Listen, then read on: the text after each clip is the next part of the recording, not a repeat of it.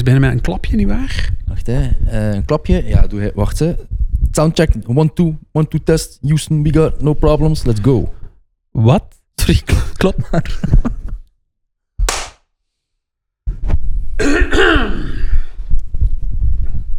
Hey chef. nee, oké, ja, dan niet. Ja. Hey, Nicolas. Hey chef. Oké, vandaag gaan we eens een episode doen over ehm, omgaan met manipulatief gedrag. En waarom? Eh, het is eigenlijk jullie schuld. Als eh, feedback op onze vorige episode over red flags hebben we zeer veel eh, respons gekregen. En daaruit hebben we mogen afleiden dat ook een keer zeer veel mensen mee vragen zaten over wat te doen met iemand die manipulatief gedrag vertoont. Omdat dat een serieuze, obvious red flag ook is. Voilà, omdat dat inderdaad bij velen eh, werd aangehaald als de grootste red flag. Nu, voor alle duidelijkheid, we willen daar wel even een nuance bij zetten. Het is absoluut niet onze bedoeling om in deze episode een soort heksenjacht te doen, ik ga het zo zeggen, tegenover eh, mensen die eventueel manipulatief gedrag vertonen. Daar gaat het ons niet over. Het gaat hem eerder over, stel dat je daarmee geconfronteerd wordt, hoe gaat je daarmee om? Hoe merkt je dat op? En eh, ja, wat zijn de gevolgen daarbij voor degenen die dat ondergaan? Het is een beetje voor alle mensen die zich eh, misschien slachtoffer voelen of eh, voelen dat ze onderworpen zijn aan manipulatief gedrag. Dat is een beetje in die context dat we bekijken. Iets wat dat eigenlijk wel actueel is ook. Met heel die situatie rond Johnny Depp en, en Amber Heard. Zeker. Red Zeker. flags in het algemeen. We raden nu dan ook aan. In principe steken we nooit een rode draad in onze episodes.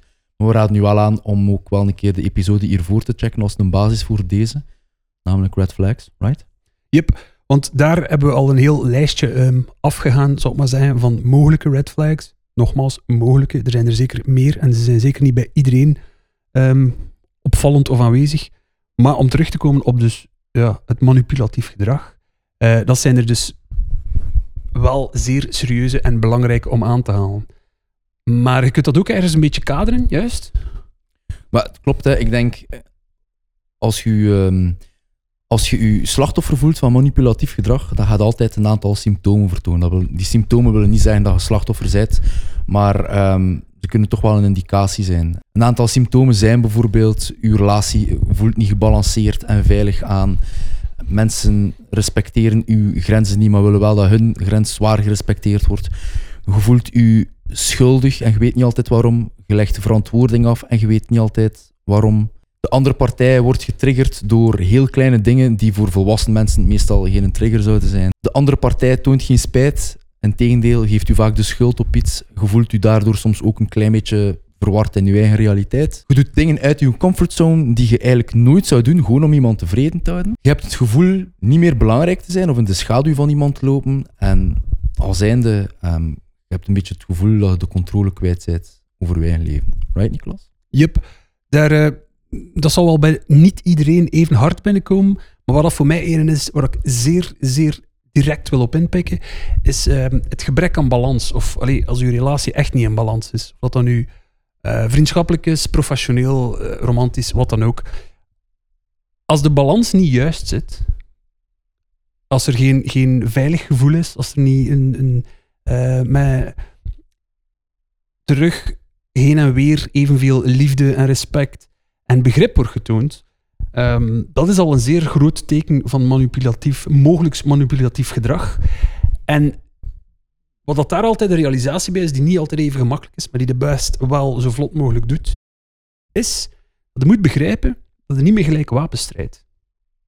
Nu, dat klinkt een beetje raar dat ik het zo zeg, maar met niet meer gelijk wapens strijden wil ik zeggen, als die een balans niet goed zit, gaan degenen die u proberen te manipuleren dingen tegen u gebruiken die jij één niet aan het doen zijt of niet tegen hen aan het gebruiken zijn, maar nog sterker, stel dat hij ze wel zou gebruiken tegen hen, gaan ze daar onmiddellijk zeer slecht op reageren of moeilijk op reageren. Eh, Het zij aanvallend, het zij verdedigend, wat dan ook. En dat vind ik een, een zeer delicaten om, om, als je zelf beseft van oei, die een balans zit niet goed, ik heb daar zelf ook al meegemaakt. Ik denk dat iedereen hem daar wel een keer aan vinden. Kan het zijn dat het te rap de fout bij jezelf gaat zoeken? Juist? Mm. Als je zo merkt van, ja, het zit hier iets niet 100%. En dan denkt van, oh, waar zou ik een beetje kunnen aanpassen? Wat zou ik kunnen veranderen? Hoe kan ik de balans juist doen? Of dat dan nu in een, like een vriendschapsverhouding is, dat Jeff en ik hebben, of, of stel dat dat met je lief is, of wat dan ook. Zolang dat je die oefening doet, zolang dat je afvraagt van, ah, het zit lijkt niet 100%, wat kan ik aan die balans doen? Hoe? Maar je moet wel verstaan dat de kans zeer groot is dat zij die manipulatief gedrag vertonen, daar niet mee bezig zijn.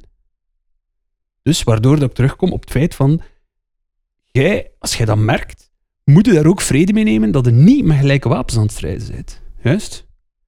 Want er worden nu zoveel middelen al afgepakt, omdat zij niet met de bestwil van u in hun achterhoofd zitten, terwijl jij wel met de bestwil niet alleen van hen, maar van jullie in het achterhoofd zit.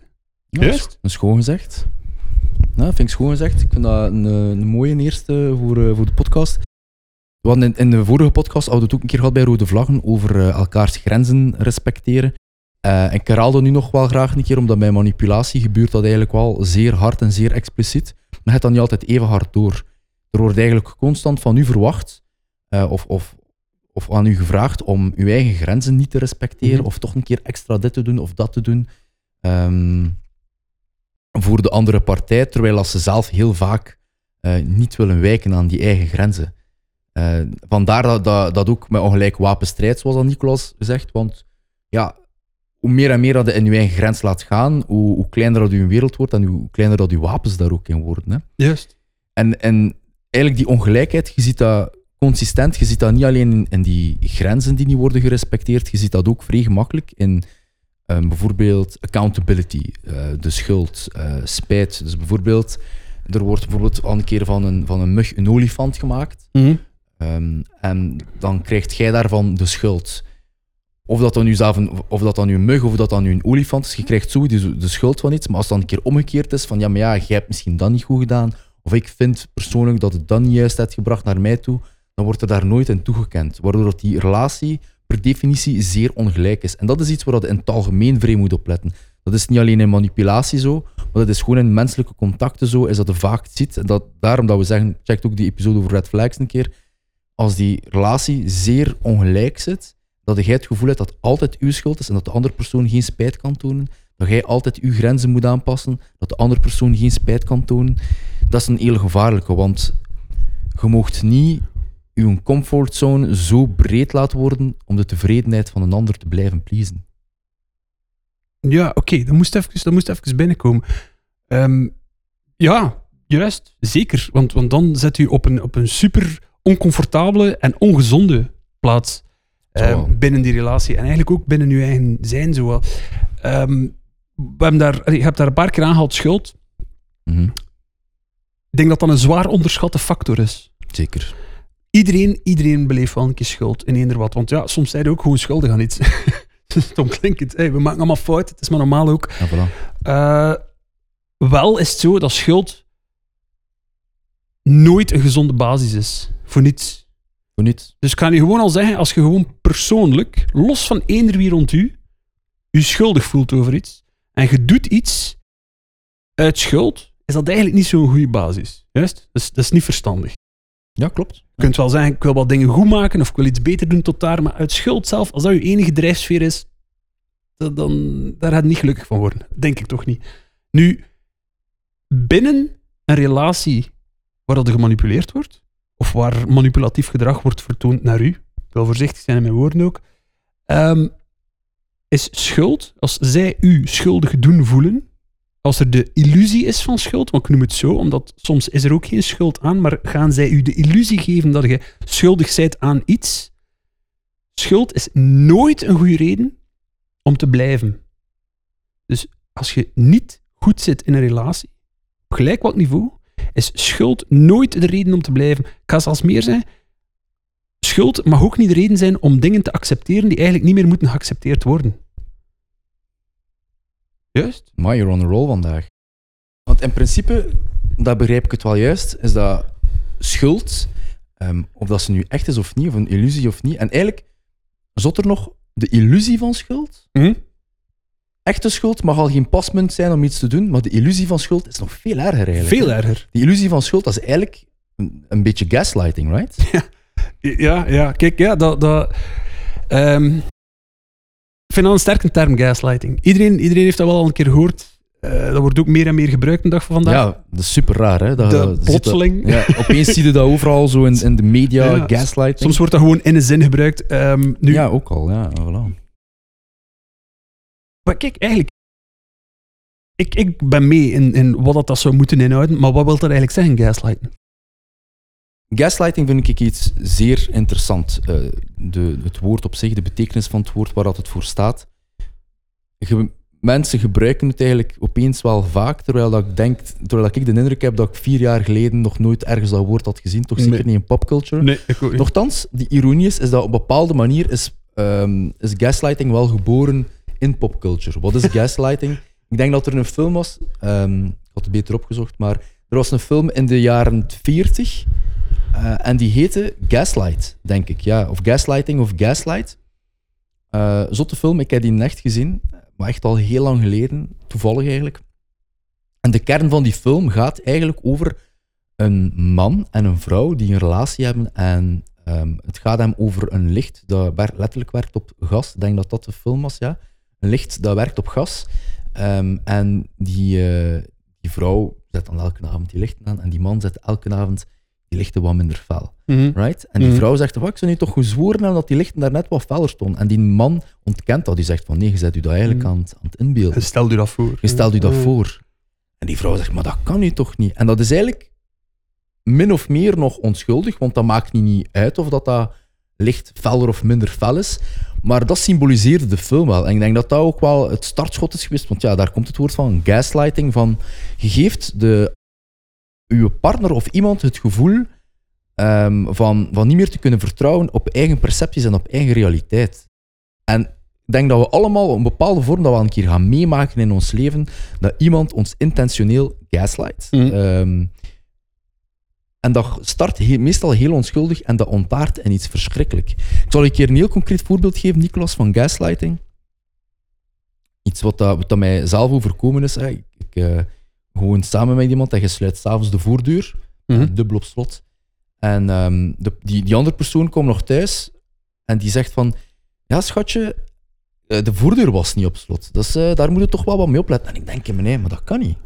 Dat kan niet, want ik sluit sowieso altijd dubbel de voordeur. Ben zeker van mijn stuk. Ben zeker Ja. van mijn stuk. En Ja. die andere persoon, ja, sorry, nee, maar ik ben hier net binnengekomen. Ja. Ehm, sorry, ik heb hier net de voordeur open gedaan, ze was niet op slot. En je denkt, ja, maar nee, dat kan niet. En dat gesprek gaat zo even over en weer. En het is voor u ook niet belangrijk genoeg, dus uiteindelijk ook maar de voordeur. En je denkt van, ja, oké, dat zal wel zeker. En die persoon zegt, ja, maar geloof mij, zij blij dat u mij nog hebt Ja. voor uw veiligheid. Ja. En dat ik hier nog ben binnengekomen dat de, dat de deur op dubbel slot zag. En jij dacht, ja, maar ja, inderdaad, ja.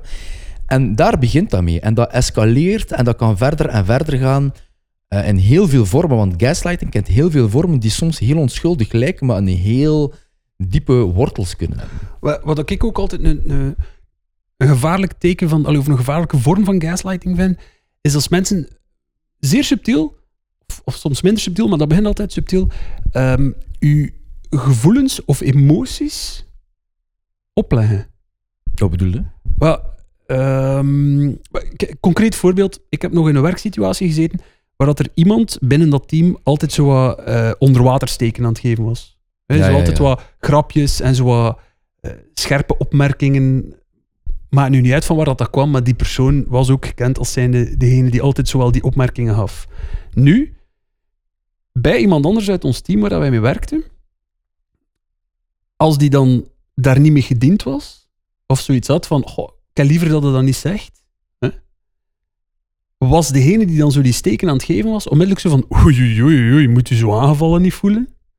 Ja, ja. Alsof dat degene die zei van, goh, ik heb eigenlijk niet zo graag dat dat zegt, die dat op een super rustige manier zei. Mhm. Super gewoon van, kijk, ik heb, ik heb liever dat hij dat niet zegt, zoiets. Werd ingevuld alsof dat hij super emotioneel had gereageerd. ja, ja, ja. Want door zij, dus de andere partij, degene die die steken gaf, zo te zeggen van oei oei, moet u zo niet aangevallen voelen. Maar die was ook zo niet aangevallen. Die was gewoon zeer eerlijk aan het zeggen, ik heb liever dat dat niet zegt. En dat vind ik ook een, een typische vorm van gaslighten, omdat zij eigenlijk een emotie of een reactie opleggen op u, zonder dat hij die gedaan hebt. Dat, allee, ehm, ik vind nog zo'n voorbeeld iemand die... Ik, ik weet dat ik vrij aanwezig kan zijn in een ruimte, omdat ik soms wel zo'n keer er zin kan in en veel energie heb. En dan een Brien zei het ook. Hè. De, ah, sympathiek. maar eh, ik, ik heb ook zo iemand gehad die dan regelmatig tegen mij zei van... Maar jongen, moet jij zo zenuwachtig niet altijd zijn? En dan dacht ik van, maar ik ben echt niet zenuwachtig. En die bleef dat maar herhalen en die bleef dat maar herhalen. Die bleef zo altijd tussen de soep en de patatten zeggen van... Jongen, hij is altijd zo zenuwachtig. Tot op een punt dat ik dacht van... Ja, maar... Ben ik nu echt zenuwachtig of ben ik mij aan het voorstellen? En het zotte is, je zou daar nog echt een keer zenuwachtig van durven worden, waardoor dat iemand iets zegt en je reageert zo, wat- zo wat even out of touch. Ja. Je reageert even vrij ongemakkelijk. Zeg je, maar gast, ik ben niet zenuwachtig. Mhm. En dan iemand zeggen van, wow, En, moet je voilà. zien wie dat er zenuwachtig is. exact. En dan, als je dat doet met omstaanders, gaat iemand zeggen van, ah, moet je zien hoe dat Niklas nu Ja. reageert. Dat is super gek, want wat dat mensen dan ook heel vaak doen, en dat is een subtiele, dat is echt een golden one, dat geef ik u mee, is dat mensen die enorm onder uw skin kunnen geraken, zeker in publieke situaties, maar dat kan ook in privé situaties zijn, die er eigenlijk alles aan doen om u te ambeteren, om, om het bloed van onder uw nagels te halen, dat jij eigenlijk een reactie doet op al die acties, Mhm. en dat die mensen dan ijzig kalm blijven. Daar moet je enorm mee opletten. Ja, ja, dat die mensen zo...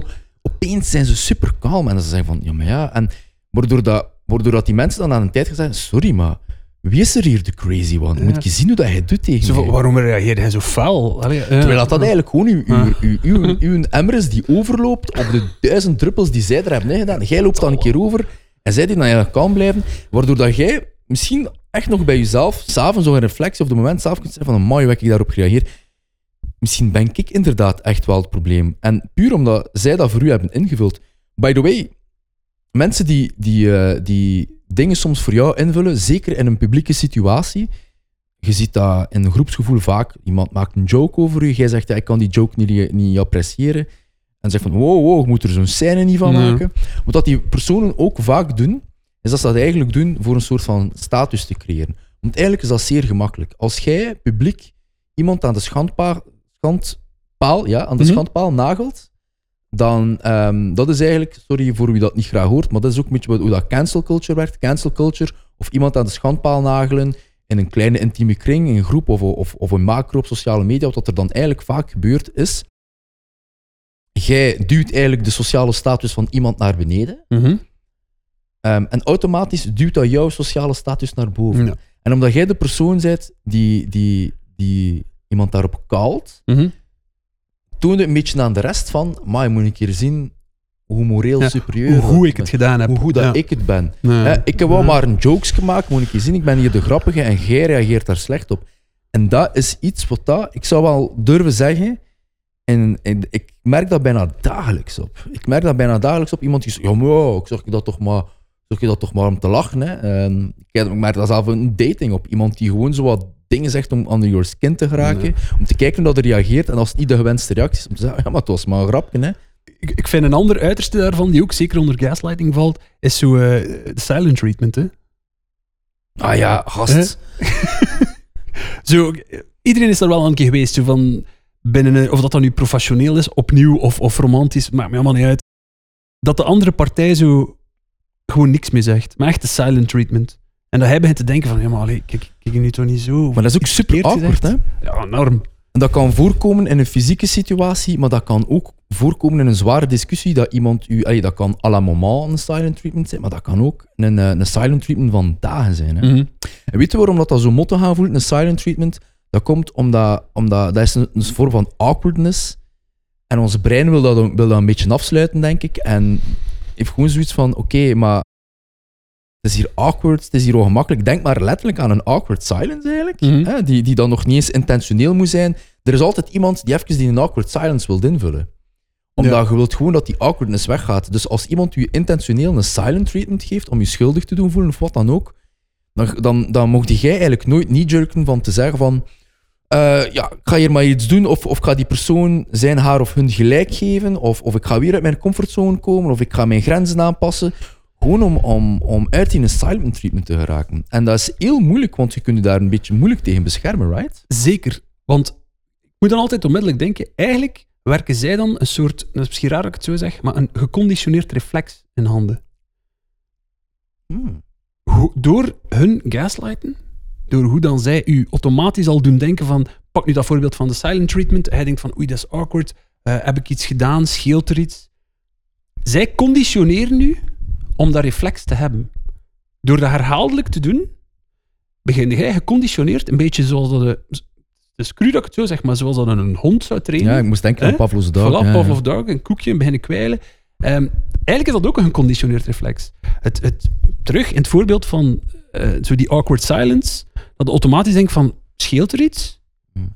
Heb ik iets miszegd? Oh, dat is, dat is automatisch je geconditioneerd reflex. Daarom dat super belangrijk is, omdat zelf heb ik ook al een keer in zo'n situaties gezeten, of soms als, als buitenstaander dat gezien, hij moet u daarvan beschermen. Ik ben blij dat hij zegt van, hey, je moet u daar een beetje kunnen voor beschermen. En de beste manier vind ik persoonlijk, moet u een eigen advocaat zijn.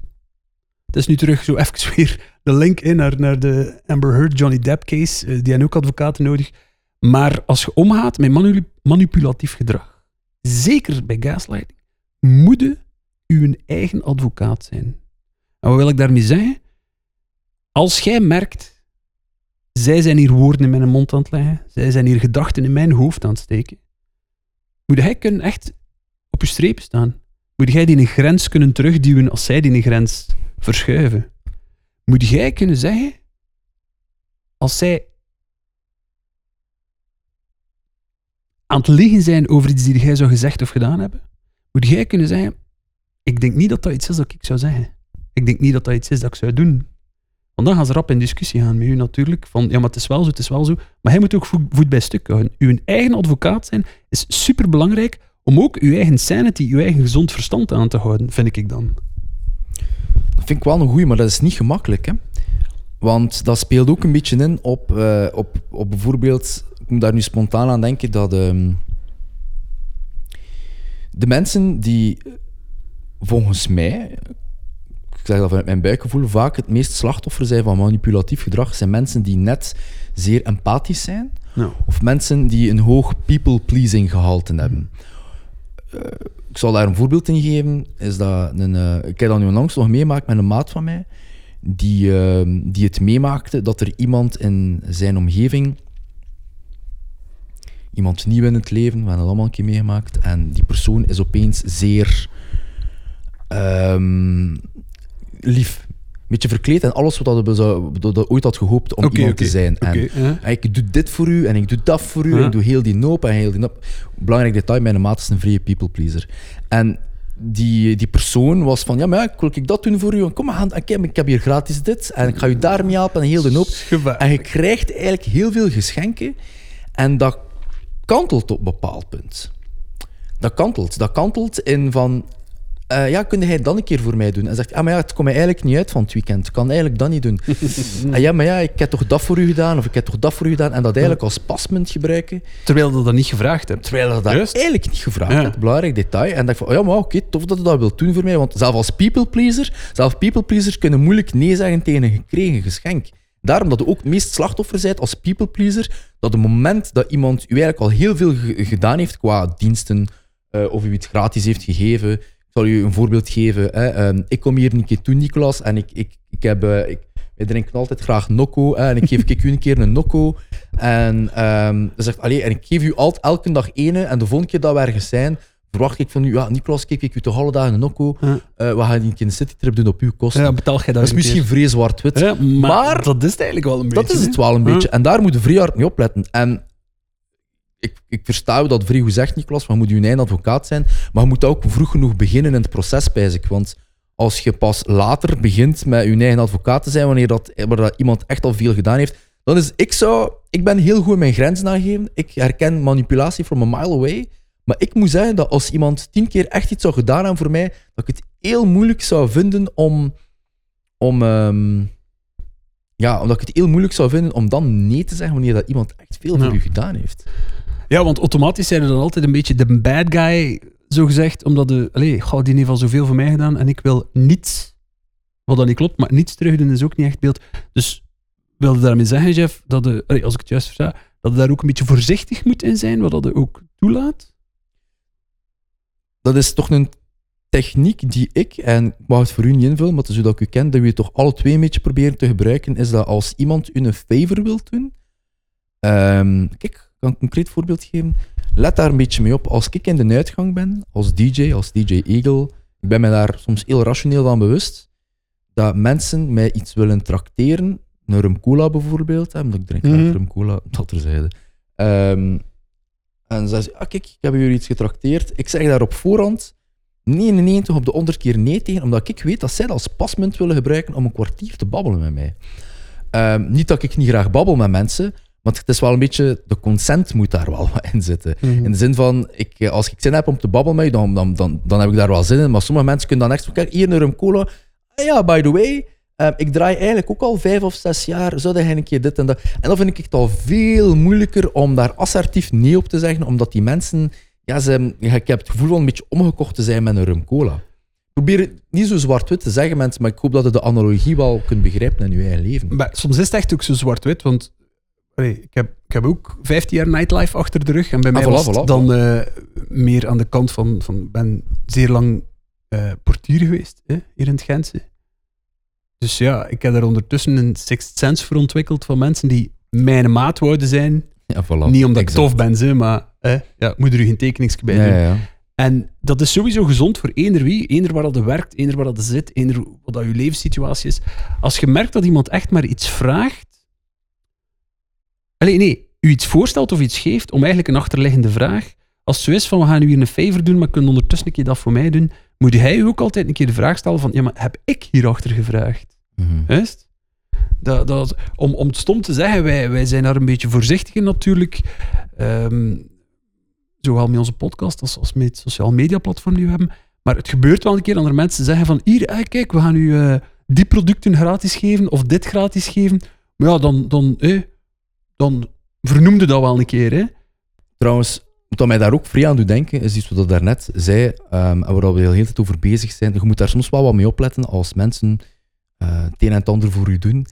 Eh, als ze dan iets terugvragen, dat dat ook altijd een beetje ook met die gelijke wapens terug moet zijn. Hè? Ja, dus terugkomt naar het eerste wat dat zei. Een concreet voorbeeld dat ik nu on the spot zou kunnen bedenken is, stel je nu voor van ehm, eh, uw vriendin of uw vriend vraagt, gaan we een keer gaan shoppen van het weekend, want ik heb wel een keer een nieuwe outfit nodig voor dit of, of een, een of andere occasie. En jij zegt voor jezelf van, ah, het spijt mij, ik heb eigenlijk van het weekend geen, eh, geen tijd. En dat die personen u dan weer een beetje manipuleren of, of gaslight of whatever. Whatever, om te zeggen van, ah, je hebt geen tijd voor mij. Je hebt geen tijd voor je, voor uw vriend of je hebt geen tijd om te maken voor mij. Ehm, is dat hoe dat jij een vriendschap ziet? En dat ze eigenlijk een soort van gemeenschappelijk argument naar voren schuiven om een punt te maken. En dat is iets waar je zeer hard voor moet opletten. Ik zal zelf nog meer zeggen. Wanneer dat mensen u het gevoel geven dat uw moraliteit faalt als jij niet toegeeft aan wat dat zij vragen aan u. Omdat zij bijvoorbeeld hebben gezegd, ja, maar ik heb u toch al een keer geholpen met uw huiswerk of met uw was of met uw verhuis of met wat dan ook. En jij kunt niet gewoon voor mij een keer tijd maken dit weekend om te gaan shoppen. Wat voor een vreselijk mens zijt jij? Dus, dus dat zij het gevoel geven dat je een slecht persoon bent, Ja. door iets proportioneel groter te maken Ja. dan dat jij gewoon hebt gezegd van, ja, maar van het weekend heb ik al andere plannen of geen tijd. Dat zij daarvan maken van, ah, dus ik ben niet belangrijk genoeg voor Ja. u. Zoiets. Dat is niet alleen een major red flag, maar dat is echt een gigantische vorm van, manipulatie. Ik heb zelf nog zo in een, in een, in een relatie gezeten waar dat, waar dat gewoon, ja, je doet dingen voor elkaar. Die pers- andere persoon deed ook dingen voor mij. En ik zei van, ja, sorry, maar van het weekend heb ik geen tijd. Eh, gelijk in de vorige aflevering, van ja, er is een familiefeest volgende maand. Ik zeg, ja, maar ja, ik heb ook een familiefeest. Ah ja, dus mijn familie is niet belangrijk of zo. Maar dat is niet wat je gezegd hebt. Dat is niet wat je gezegd Nee, hebt. En als mensen dat ook voor u invullen of u om de tuin proberen te leiden, ehm, dat is een hele moeilijke. Ik, ik, eh, ik moet ook, ik kan het niet laten van u toch te vermelden, ik kan het nu toch gewoon zeggen, is dat in, in hetzelfde schuitje is eh, als mensen iets vertellen aan u en je vindt gelo- verhaal een beetje ongeloofwaardig, verwoord het nu nog zacht, Ja. Ehm, je hebt altijd het recht om door te vragen wanneer dat je een verhaal ongeloofwaardig vindt. En dat kan van alles zijn. Denk maar aan bijvoorbeeld eh, waar zij geweest na je werk donderdag. Eh, en dat die persoon zegt, ah ja, maar ik heb gewoon laat doorgewerkt. Eh, een cliché, echt Mm, zo een, mm. een Hollywood cliché. Mm. Ah, maar ik heb gewoon laat doorgewerkt. Ah, straf, want mijn beste vriend heeft nogthans gezegd tegen mij dat die persoon u heeft gezien in die buurt. En dan creëer je soms twee situaties. Dan moet de waarheid aan het licht komen. Of gaat die persoon u soms dwingen van, ja, maar ja, wie geloofde mij? Geloofde uw vriendin, uw levenspartner, hè? Of geloofde u een beste maat? Maar daar gaat het niet over. Maar daar kun, dat kun je niet Nee. doen. Dat is, geen- dat is ook weer geen pasmunt, omdat je mocht personen niet manipuleren om die keuze te maken. Want geloven in de waarheid, dat is niet een keuze die je maakt. Je gelooft pas in de waarheid als de som van alle delen van de feiten optellen en de waarheid zijn. Want in je hoofd heb je zoiets van, oké, nee, maar mijn beste maat heeft tegen mij... Waarom zou, zou mijn beste maat liegen tegen mij? Mhm. Dat wil eigenlijk zeggen dat jij voor jezelf moet u- uitmaken van, oké, iemand liegt. Mhm. En dan word jij misschien gegaslight om te geloven dat uw, uw vriendin ligt of uw maat ligt. Mhm. Maar je wilt niet in die, persoon, in, in, in, die, in die situatie zitten. Wat in principe verwachten zij dat je kiest een persoon te geloven, terwijl dat eigenlijk gewoon de waarheid moet geloven. Voilà, Zelf. en, en eigenlijk, dat is iets wat we ook moeten leren. Dat is niet altijd even fijn wanneer we gechallenged worden om de- naar de waarheid, maar probeer het niet persoonlijk te pakken. Ook al vertelt je echt de waarheid, nu als luisteraar, en iemand gelooft je moeilijker of, vraag, of stelt gewoon vragen door, probeer dat niet persoonlijk te pakken en antwoord gewoon, zeker als je de waarheid hebt. Omdat eigenlijk wat dat dan doet, is dat je concreet de situatie en jullie alle twee helpt om elkaar sowieso te vertrouwen. Want, want er is maar één goede uitkomst als de waarheid is. En dat is, ah ja, oké, het klopt. En ik zal daar een concreet voorbeeld bij, bij Mhm. geven. Ehm, de moment dat zij het stoppen met geloven in Sinterklaas, dan Mhm. is dat eigenlijk geen keuze die je hebt gemaakt. Ik weet dat het een stom voorbeeld is, Nee, maar nee, nee, eigenlijk als je stopt met geloven in Sinterklaas, dan is dat geen keuze die je hebt gemaakt, dat is gewoon de waarheid die niet langer bleek te kloppen. Want jij had zoiets door van, ah ja, eigenlijk kan dat niet, dat dat paard of dat, of dat Sinterklaas door de schoorsteen gaat, of dat Ja. iemand door de schoorsteen gaat. Ja, dat klopt eigenlijk niet langer. En automatisch zijn je gestopt met dat te geloven. Want het is niet nadat iemand tegen u had gezegd van, ja, maar dat, dat, dat gebeurt niet echt, Ja. of dat, of dat jij voor jezelf hebt uitgemaakt van, dat kan eigenlijk niet echt, dat je dan nog kunt kiezen, al zouden met de wil van de wereld, je kunt niet meer kiezen van, ah ja, maar dat, ik geloof nog altijd in Sinterklaas. It doesn't add up. Ah, nee, want de waarheid staat daar. Want de waarheid staat Ja. daar. Dus als je omgekeerd, als je dat reverse engineert en je zit in een, in een situatie waar dat de waarheid voor u echt niet kunt, lijkt te kloppen, dan ga je nooit kunnen kiezen om het wel te geloven. Dus als je in een situatie zit waar het gevoel hebt dat je een partner met een wrang gevoel achter zit, en je wilt echt dat die situatie ten goede komt, dan moet je tot de laatste procent aan de waarheid werken, omdat het u alle twee beter uitkomt. En je moet beseffen, als iemand met u de waarheid niet wilt samen ontdekken, dat er gemanipuleerd wordt. Want jij gelooft het niet. En dan moet je eigenlijk jezelf een beetje manipuleren van, ja, het zal dan wel, eh, het Hmm. zal dan wel zo zijn, zeker. Mijn maat zal het misschien wel verkeerd begrepen. En, en het moment dat je in zo'n patronen begint na te denken, dat is echt super, super, super, super gevaarlijk. Dat is altijd de manier van mensen die ook een beetje proberen, ja, iets opleggen, eh, een soort van controle willen ehm, in, uw, in, uw, in uw nek duwen, ja. Ja, daar, in principe, daar draait het altijd om. Hè. Iedereen die aan het manipuleren is, bewust of onbewust, draait om controle. Ze willen gewoon meer controle hebben over Ja. de situatie Ja. of over u. En belangrijker, ik zie, kijk, ik zie het altijd zo. Ze willen controle omdat als ze u kleiner, stiller of korter willen. Puur in de relatie wilden zij bepalen wat dat uw leefruimte is, wat dat uw beweegvrijheid is. Hmm. Ik, ik zei het, ik denk er altijd aan. Ze willen nu ofwel stiller, korter of kleiner. Altijd.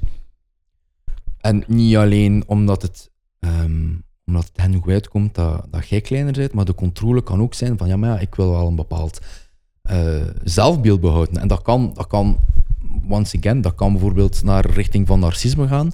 Maar je zelfbeeld willen controleren, dat zie je ook wel heel vaak in mensen die neigen anderen te manipuleren. Van ja, maar ja, ik controleer de situatie niet alleen omdat ik u klein wil houden, maar omdat ik wil dat mijn zelfbeeld groot blijft. Ja.